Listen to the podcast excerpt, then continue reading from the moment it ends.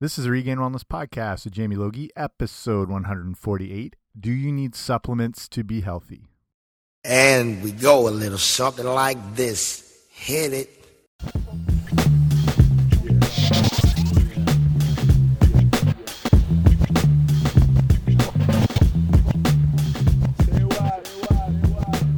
Hey guys, what's happening? Welcome back to the podcast. I'm Jamie Logie. I run regainedwellness.com, and this is the Regained Wellness Podcast. So thanks for coming on out today. This episode is about the whole supplement issue, and it's a billion dollar industry, and you're probably using them. I use them. I have used them. I probably keep using them in various forms, but I'll be looking at you know what's actually necessary what's not necessary and a few of the things i think are good choices as opposed to like the avalanche of different products um, you can see out there.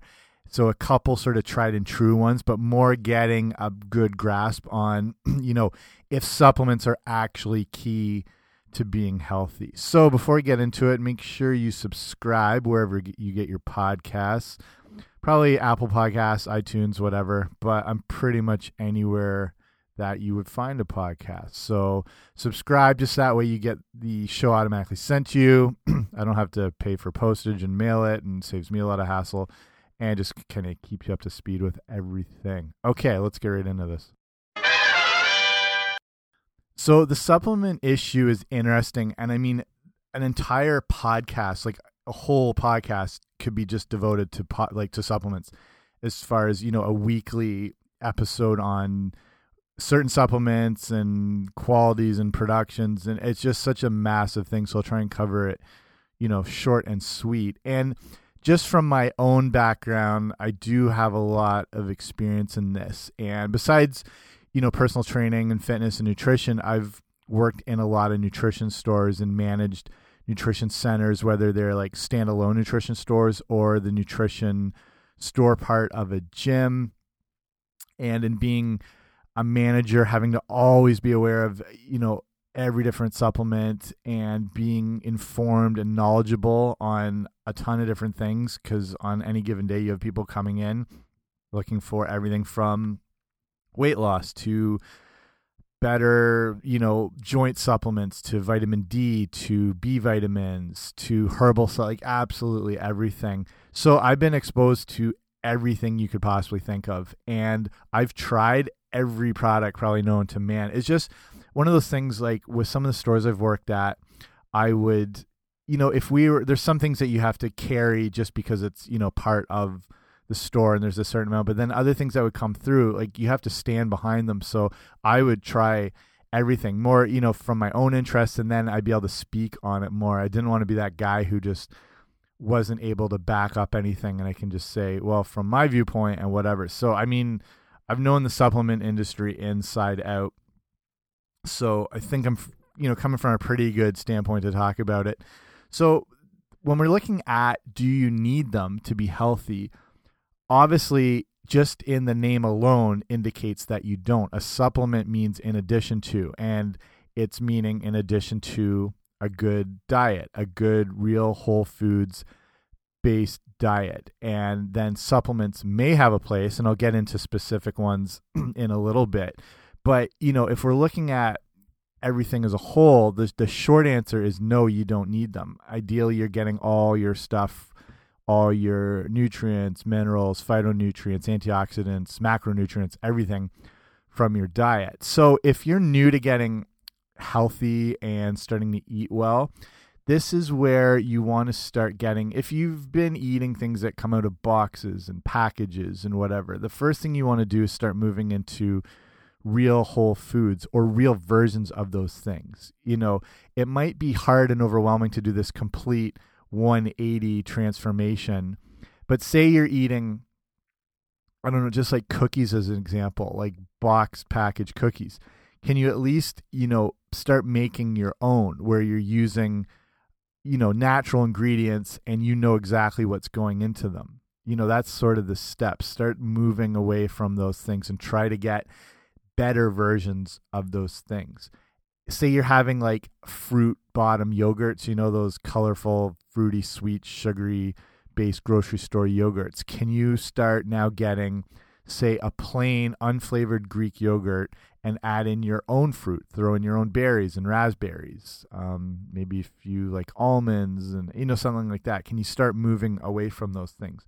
And then if you have been eating that way, now it's you know that idea about getting also into just real whole foods so if you're in a grocery store that means shopping on the outer perimeter buying foods that are real and whole and don't come out of a package and don't have a list of ingredients on them so like the idea with real food is it doesn't have ingredients because it is the ingredients into whatever you're making then from there can you start getting better versions of that it's all like with your health it's all about trying to make the best choices possible and sort of get on the road to the healthiest things you can. So wherever you are in whatever like stage of the journey you're in, you know, always look to like what can I do a bit better. So if you've been eating all that, you know, crap and junk and whatever, can you start getting real whole foods? Don't worry about like where they're coming from and whatever. And you know, in grocery stores, the odds are you're going to be get like in big supermarket chains, the odds are the foods are going to be coming from like thousands of miles away and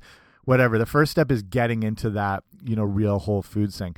The next thing, you know, if you've been doing that, awesome. The next move is getting into cleaner versions of those same things. Like if you're eating sweet potatoes and strawberries and bell peppers, you know, whatever, can you start finding organic versions of those? And ideally, you know, or optimally, organic versions are a bit healthier. Not always, nutrition wise, they're not necessarily always healthy, but they're a better choice because they're grown without pesticides and chemicals and crap that can just absolutely disrupt and play havoc in your body. And like the odds are they're going to be a bit healthier, but you know, it, it's more about getting to the cleanest versions of those things. So start looking for organic things. And it, it might be the same situation depending on where you shop or like if you're at a Whole Foods or whatever, where you might get say those strawberries, but they're still coming from California. So, you know, there's a lot that's lost in the you know as soon as food and produce is picked it starts losing its nutrients right away and if it's picked or harvested and then it's transported and then processed and then put on shelves it can be weeks or you know days which is still a lot in the life of, of fruit or vegetables where the nutrient content has gone way down. So you know you're you're starting to make those better steps and those better like closer steps to you know the most optimal foods. That's why frozen fruit that frozen foods are actually not a bad choice. And and they're one of those things that even though it's you know in that packaged kind of concept actually not too bad. Because when those things are picked there's a flash freeze process applied to it and that preserves their nutrients. So if you're getting say blueberries and again they're coming from i don't know like way out west or you know they're they're from thousands of miles away they could actually have more nutrition than local blueberries that have been sitting around and then picked and then sitting on the shelves and whatnot. So don't neglect frozen food. It's a good good choice. So the main thing is now you've been making those better steps going towards you know organic stuff and cleaner things. And then the next move is you know can you find those things locally? Can you find them in farmers markets or local markets that are you know smaller versions of grocery stores but trying to work with local farmers and whatever if you just look on just look on google for farmers markets and stuff in your area and you'll be amazed possibly at how many are nearby you like i've said this a ton of times i i feel like i'm somewhat pretty in tune with our local food scene and i'll try to get foods from either farmers markets or small little markets or whatever. And I was looking up just other, you know, potential farmers markets or whatever nearby, and there was three more that were within five minutes of my house that I had no idea even existed. So those things are out there. So it's about kind of evolving your nutrition into the cleanest versions that you can find. And the ultimate goal is to get, you know, local, organic, grown, you know, within 50 miles of where you live, and then you're getting really in tune with your real nutrition. I'd say the step after that is, you know, can you even grow your own stuff? And then you're, you know, getting absolutely the purest foods possible, you know. And there's a lot of things that are very easy to grow. You don't have to have that green thumb and be expert gardener, but you know, things that grow easily like tomatoes, peppers, garlic, onions, herbs, th those are one of the easiest things. And you know, with you can do a lot with all that, you know, nutrition right there and it's clean as a whistle. So it's, you know, taking those steps to get to the, you know, the best point possible. So that's the idea like with supplements. So as as I'm talking about these good foods and you're eating a clean whole foods diet and then you're optimally getting that perfect you know content of vitamins minerals phytonutrients whatever the one issue that we face now is especially if you're eating more of that non-local supermarket stuff is the obviously the chemical issue and the pesticides that take down the nutrient content in it. These things are picked and harvested quite early. Like i said they lose a lot of the nutrition. And the fact that we've really overused the soils and we've depleted the natural minerals that exist in the soils. So a lot of the food, as good as it still is, is just not what it was maybe 20 years ago or 30 years ago and definitely not, you know, 100 years ago just because we've depleted a lot of these natural sources of the minerals. I mean, that's where food gets the minerals from the soil as it grows, but because this has been so like degraded, we're maybe not eating the cleanest foods possible. If you're getting organic and from smaller farms is, you know, you're probably obviously good because it's not overused. It's not huge commercial um, properties of just giant places that are just so overrun with that growth and recycle process that the soil and the earth doesn't get that chance to recover. Plus, you know, the outside pollution and whatever. But like you know, if you're eating that way, like I said, you're probably in a pretty good state. But if you don't have access to those sort of things, or you're just trying to keep it simple and buying those things, you know, there is the chance you might be a little short in some vitamins and minerals and whatever, just because the foods of today are just not as rich in them as they were in the past. And as good, you know, you want to eat the widest range diet as possible. And a good rule of thumb, just to get exposed to as many nutrients as possible. And a good rule of thumb is to try and always eat the colors of the rainbow, they say. So when you get foods that are green and purple and red and stuff like that, and not thinking licorice here, but obviously real whole foods, you're going to get a wider spectrum of those, you know, micronutrients, vitamins, minerals, the whole deal. So that's why that's important. But it's hard to tell if you're actually getting enough. Eh, like unless you go to dietitians and go through tests to see if you're deficient in things, it's really hard to tell if you're are you actually getting that perfect range of things, you know, are you short in something? And that's where supplements may have a role. So it starts with getting the diet down pat first. And on a daily basis, you're gonna you want to be looking for kind of double digit servings of non starchy vegetables each day. So primarily dark green leafy vegetables. The darker green, the better. That's going to be indicating the richest source of nutrition and that chlorophyll content and that phytonutrient content. And if you're thinking serving wise, it's a you can go by sort of the size of your fist and say you have a bunch of like kale or spinach and it's roughly around that size, that that's you know about one serving. So it, it takes you know a a good preparation and good process to make sure you're getting enough in those days, and also including a wide range of things. So like that that's also going to include like tomatoes and herbs and peppers and cucumbers and red onion and all those sorts of things. So you're ideally looking to replace, you know, anytime you'd be having grains, if it was like pastas or white rice. Those are the times you want to replace those things with um, the greens and the vegetables and whatnot. And then other nutrition things you want to be focusing on are the cleanest proteins you can find. You know, good sources if you can find. I know it's more expensive, but like you know, wild caught salmon. But then if you can find grass fed proteins and you know local stuff that's a little cleaner, it's higher in omega threes and CLA, which is another form of fatty acid that can help with lean muscle and burning body fat and seem to have some anti-cancer properties as well too.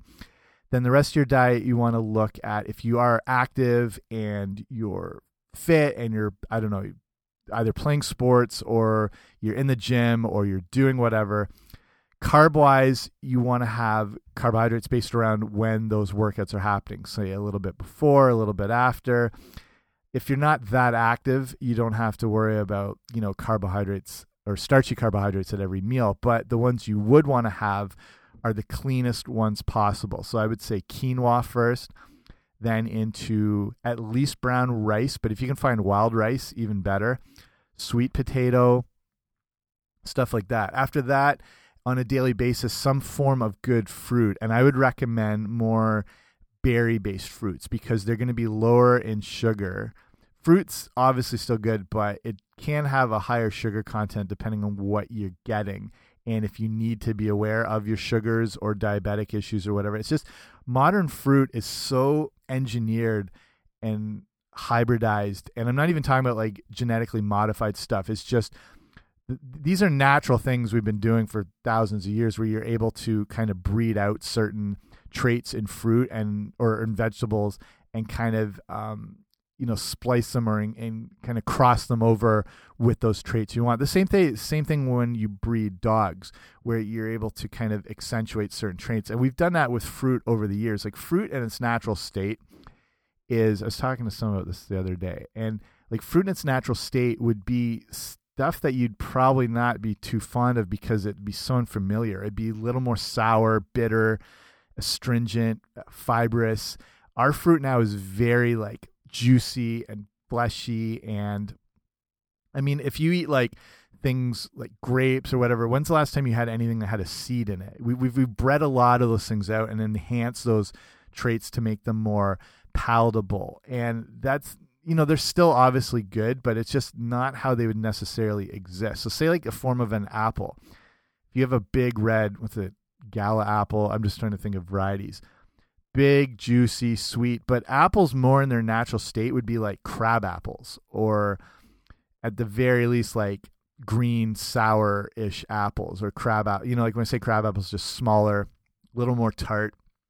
And, you know, these are more in tune with what like would have grown. I say a good example. I say like bananas. Bananas originated in Southeast Asia, and they in their original form where they were shorter, they were thicker, they were super like fibrous, and they were so full of seeds that you'd probably even have trouble eating them. And look at a banana now; it's big, bright yellow, super sweet, super soft. It's just you know they're still real things but they've evolved into you know different versions of themselves so the the fruits that i recommend i think are always a good go-to's that haven't necessarily changed as much or are more you know attuned to their original state are berries. So blackberries blueberries raspberries strawberries things like that. They're a little more lower in the natural sugar. They're high in fiber.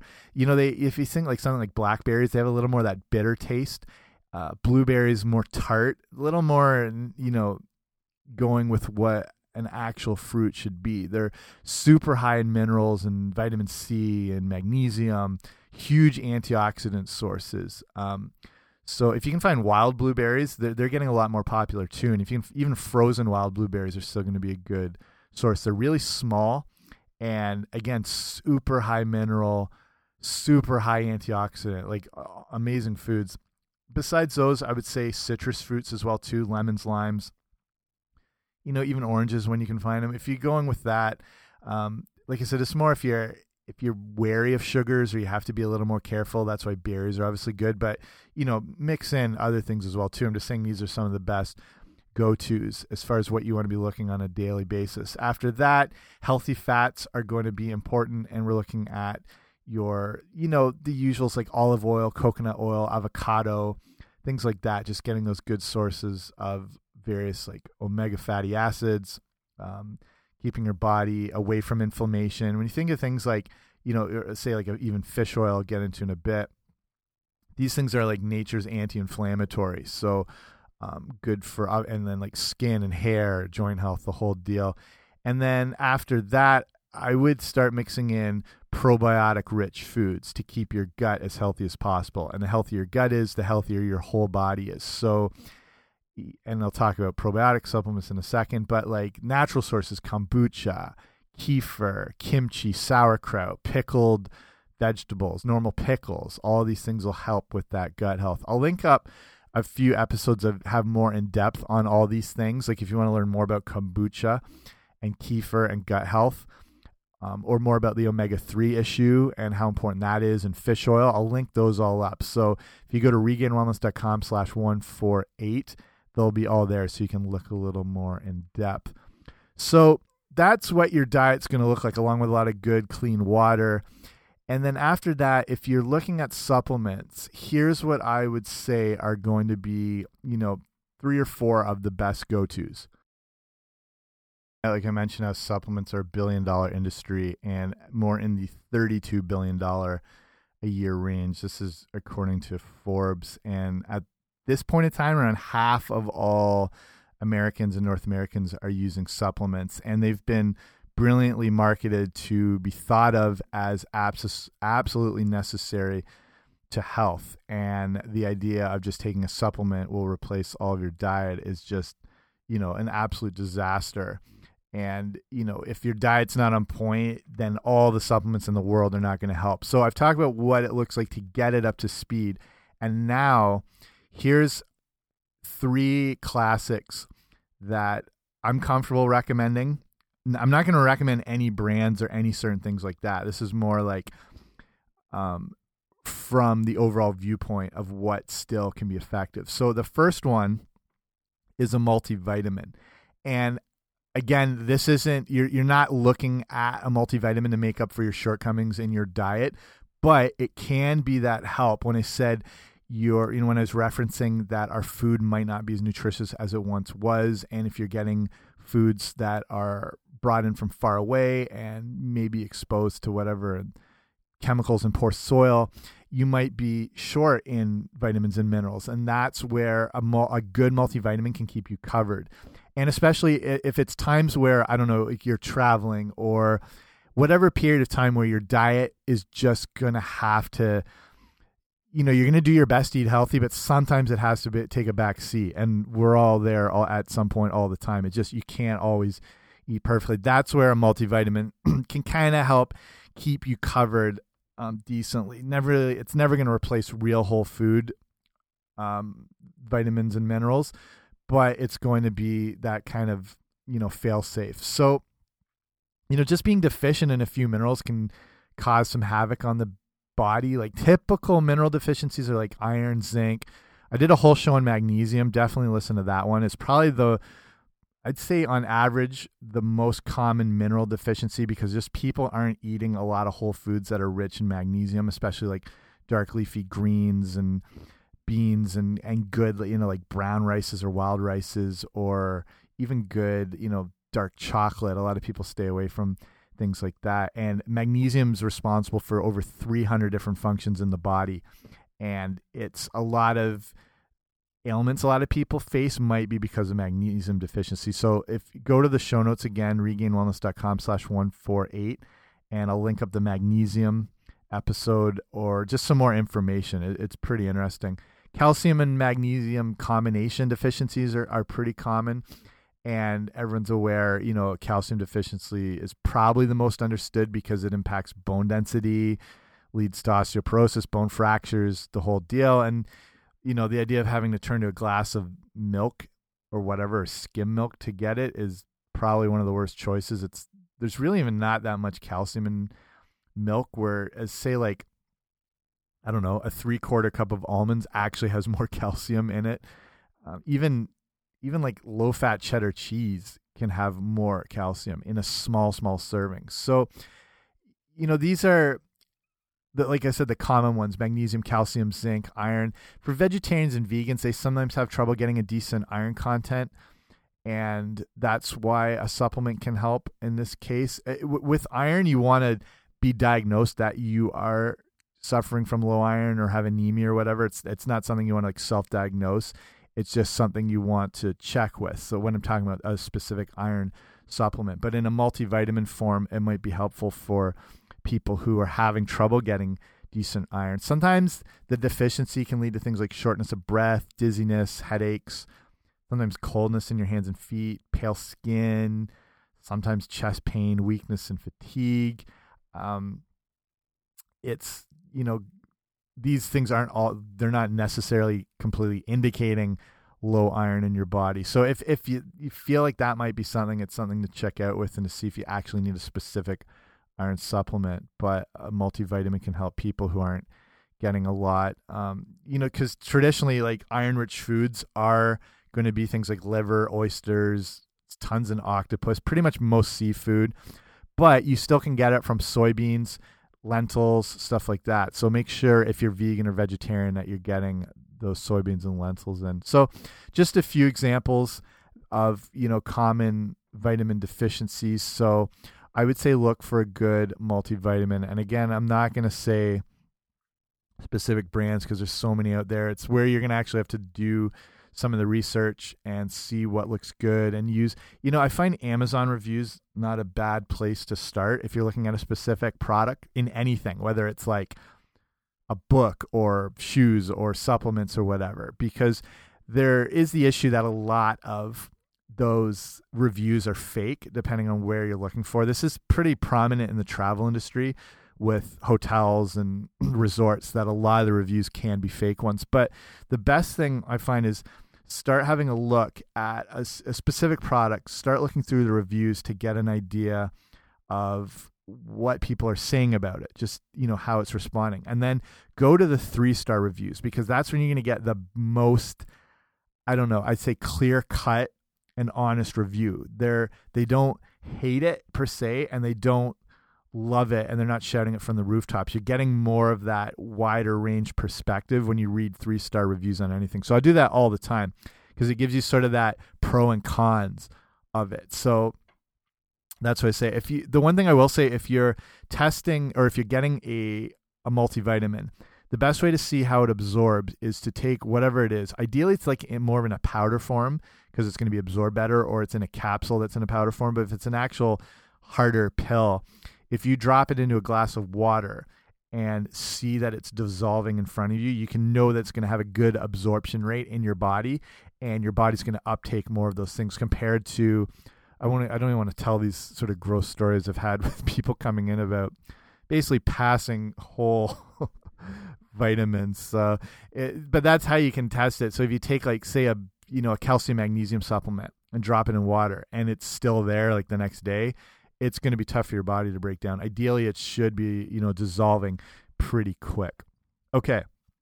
The next supplement that I do see as valuable is a probiotic supplement just because like I said if you're eating probiotic rich foods you're going to be in probably pretty good shape. But most people aren't eating these things at all. I'd say kombucha's gotten a lot more popular and it's a lot more available and a very easy way to get really good, healthy, you know, probiotics to improve your gut bacteria and to keep it more in balance. You can get, um, you'll get healthy bacteria from things like um, yogurts and whatever, but it doesn't have the same, it's not going to contain the same amount of strains and as much back healthy bacteria as the the other probiotic foods I listed.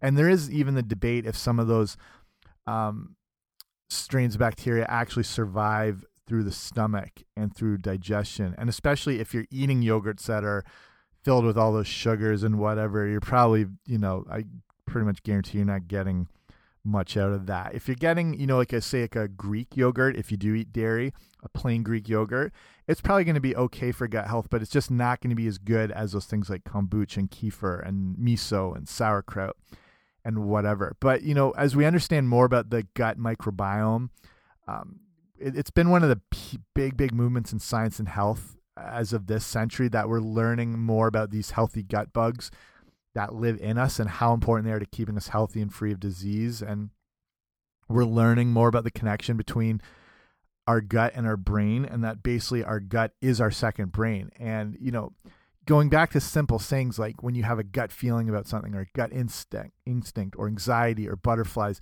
in your stomach, it, it it's related to that gut brain connection. And as far as how your mood is and how you feel and we have things called neurotransmitters that are used by the brain and they're key in controlling mood and your mental state. They're made like two-thirds of those are made in the gut. And specifically serotonin it's seen at night then that's one of the big mood um, affecting neurotransmitters. And it's important in not just mood but uh, your biological clock and your circadian rhythm and i'm going to do like a whole show more on that whole thing um, but it's if if your biological clock or your circadian rhythm's out of whack and especially this time of year i'm recording this right now in march and i live in canada north america and this is when the seasonal affective disorder hits. I mean it's sort of hitting all through the winter when you're exposed to less light and your cycle of the day is off and we just switch the clocks and it just screws people up so much. And serotonin is um, you know when we're not getting good natural sunlight our serotonin levels are affected and that can throw off your circadian rhythm and it affects your sleep and your mood and your whole thing. And then if your diet is bad and your gut health is bad you're in looking to be in some pretty bad shape because if that gut bacteria is out of whack you're not producing serotonin at the levels you should be, and then that's affecting so many things. So, like I said, up to 95% of the serotonin um, that's used by your brain is produced in your gut. So, when it's out of balance between the good and bad gut bacteria, that's when you're looking at problems. And the healthy, like your overall healthy gut's involved with your immune system, and it's like the guards for not letting toxic things through to our immune system. And um, if it that's building up over a while, the problem is that so talking about like things that can get through your gut wall and your immune system sort of 80% of your immune system sort of lies on the outside of your gut. It's a, a, series of cells. And if things get through there because the gut is not healthy your immune system attacks them. But the problem is it starts to see some of those toxic things that are foreign like a bad food or bad sugars or gluten if you're intolerant to that or whatever, it starts to recognize some of those same things in other parts of your body and it starts to turn on itself. And that's what's called autoimmunity. And then you're looking at all sorts of problems and the inflammations and things like Hashimoto's and um, osteoarthritis and the whole deal. So it's a whole massive talk topic, this gut health thing. But your overall healthy gut is involved with everything to do with digestion, protection against bacterial infection and illness. It reduces symptoms of if you're having constipation or diarrhea. It promotes more of a balance of alkalinity in the intestine. It keeps it away from a, more of an acidic environment, which is, is very damaging.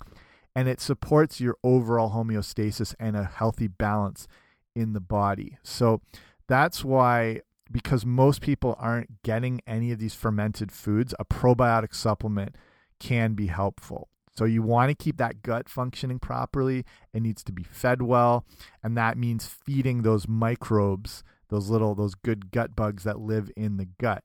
If the good gut bugs get outnumbered by the bad ones, then it's inflammation and then besides all those problems and conditions, you're also starting to get crazy cravings for sugar because that helps feed those bad gut bacteria and it, it's not it's not even you craving these things. As much as people say willpower is important it really means nothing because when your brain and your gut are craving these things you're sort of helpless against it.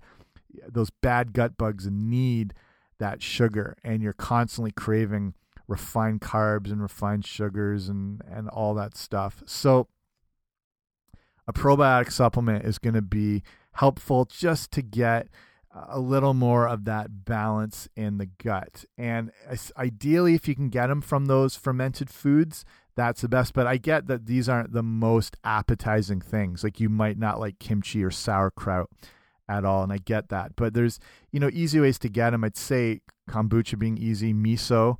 Um, you can make your own miso soups, or if you know if you're ever going out I'd say that's one of your best choices if it's available. But it's like I said, very easy to make if you just look up online how to make miso soup. But so a probiotic supplement, I'd look for those. Again, there's a ton of them out there. Do some research and just see what looks the best and what people are saying has been helpful to them. I don't know if you're going to remember this as I say it, but I'll put it on the show notes for today because there's six different forms of the beneficial bacteria that you want to make sure the probiotic has. So, and some of these I can barely pronounce, so I'll list them out there. But you have, so the six different ones you got Lactobacillus acidophilus. You've probably heard of acidophilus, but that's a strong probiotic, works in the small intestine. Then you've got, this is going to be funny, I'm just going to try and say some of these Bif, Bifidobacterium bifidum. That works in the large intestine. It's a very strong probiotic. You got Lactobacillus reuteri. That's one of the um, helps colonize the probiotics and helps kind of build that healthy, health, sorry, healthy culture. I can't say the normal words, but I've been able to say these. Then you've got Streptococcus thermophilus. That's important for gastrointestinal function and it's found you'll find that one in yogurt but it's in all the other probiotic foods as well. You've got lactobacillus delbrus delbrueckii not even close but that helps with lactose intolerance also important for immune function. And then you got lactobacillus bulgaris bulgaricus and that ferments lactose and makes it um, into a better form. So i don't know if you remember those but i'll link them on the show notes, regainedwellness.com slash 148. And those are the six ones you want to look for in a probiotic supplement. A good probiotic supplement will have, I mean, you want to find the product that contains the highest number of strains you can find, and they're mis sorry measured in the billions and listed as what they call CFUs, colony forming units. You also want one that contains at least a few strains primarily the Lactobacillus, Acidophilus, Bifidum, and Longum. So there's time release tablets or caplets, and they seem to be best and hold up longer. So you'll you'll see them on the bottle. I'll talk about like they'll have the little clock and the time release. Those appear to be the best choices, and you want to make sure to keep them away from too much light, heat, and moisture. It's why they're good and they do well stored in the fridge. And if you're in a health food shop, you usually find them sometimes stored in the fridge, but at least keep them away from light, heat, and moisture. Okay, and the last supplement that I still recommend is going to be an omega 3 or a fish oil supplement. And again, because this is, I mean, people just don't eat fish unless you're a president who likes a lot of McDonald's filet of fish. It's just something either it's hard to prepare, which I get, it's, uh, it can be expensive.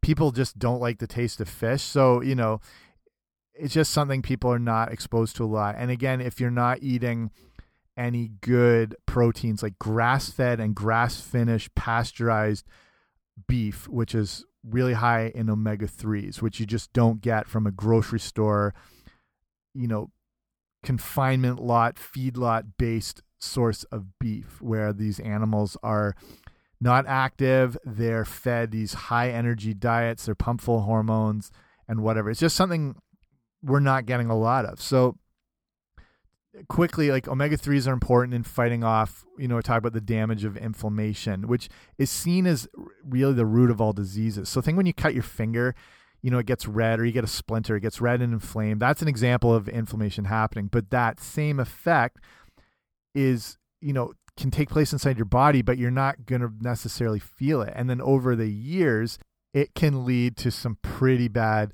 things and issues and degenerative diseases like heart diseases and certain cancers and diabetes and Alzheimer's and whatever. So omega 3s uh, can have the ability to fight inflammation. Like I said, they're you know, nature's anti-inflammatory.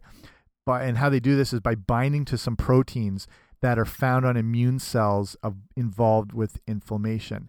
And then, you know, omega 3 also helps with controlling cholesterol helps you know relieve the effects of arthritis it has a positive impact on people with diabetes helps in cognitive function so when you're looking at omega 3s what about the omega 369 product? Seems better than just omega 3 if you're getting all this together.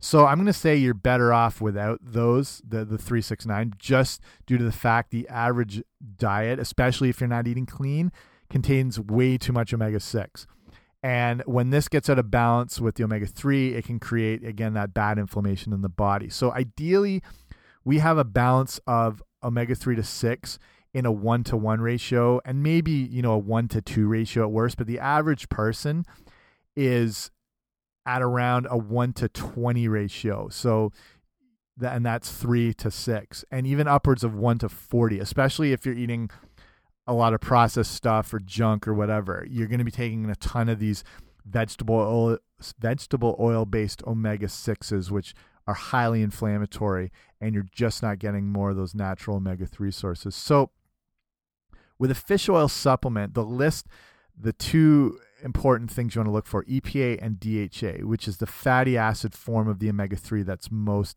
beneficial to us. So with DHA, you want to make sure that the product has at least 200 to 300 milligrams per capsule. And that's what's really important for all that anti-inflammatory effect, the brain health, the whole deal. So how with how much to take, there's no real straightforward dose, but the American Heart Association recommends taking one gram per day of the EPA plus the DHA in combination. So, you know, however that works out depending on the product. So, and that's for people with heart disease. Higher dosages of two to four grams per day can be used for people with high triglycerides. But obviously, you know, check with your doctor if this is at all anything that you face. And if you're taking blood thinning medications, people like that want to be careful with fish oil supplements. So if again, if there's any ailments or, or things, I would talk to your doctor about it. But I would say it, it's still one of the important. Um, I almost don't consider a fish oil omega three supplement as a supplement. I almost consider it a food because it's coming from a real source and it's something you should ideally be eating anyway, but it's just been more extracted in that sense. And you almost, you know, need to depend on it just because, you know, most people are not getting good omega 3s. So that's pretty much it. Like I said, I've just, I've worked in this for so long, I've seen it so often. Getting your diet in check first is going to be the biggest step and it will help you in avoiding you know 99% of the supplements you see it there that are just not not worth it. But the, you know the multivitamin the probi probiotic and the fish oil can be very beneficial addition to a sound nutrition program. And i'd say you know i'd say there's a lot of nutrition experts who would probably agree with those choices and you'll more likely see them pop up as suggested and recommended the, the fish oil the probiotic and the multivitamin. So that's it. I hope that was informative at the least. If you have any more questions about it, email me at info at regainedwellness.com and hopefully can discuss whatever. But like go to the show notes again, regainedwellness.com slash 148, where you can listen more on full length episodes on omega 3s and the inflammation issue and probiotics and everything like that. So hopefully you find them valuable. If anyone you know, would find this this show beneficial, make sure you share it with them too. And um, I'll probably cut it off here. So again, thanks for listening. Make sure you subscribe. If you really like the show, give it a rating and review. That makes it more available to more people, and that's good for everybody. So I'll thank you again for listening and talk to you soon. Bye.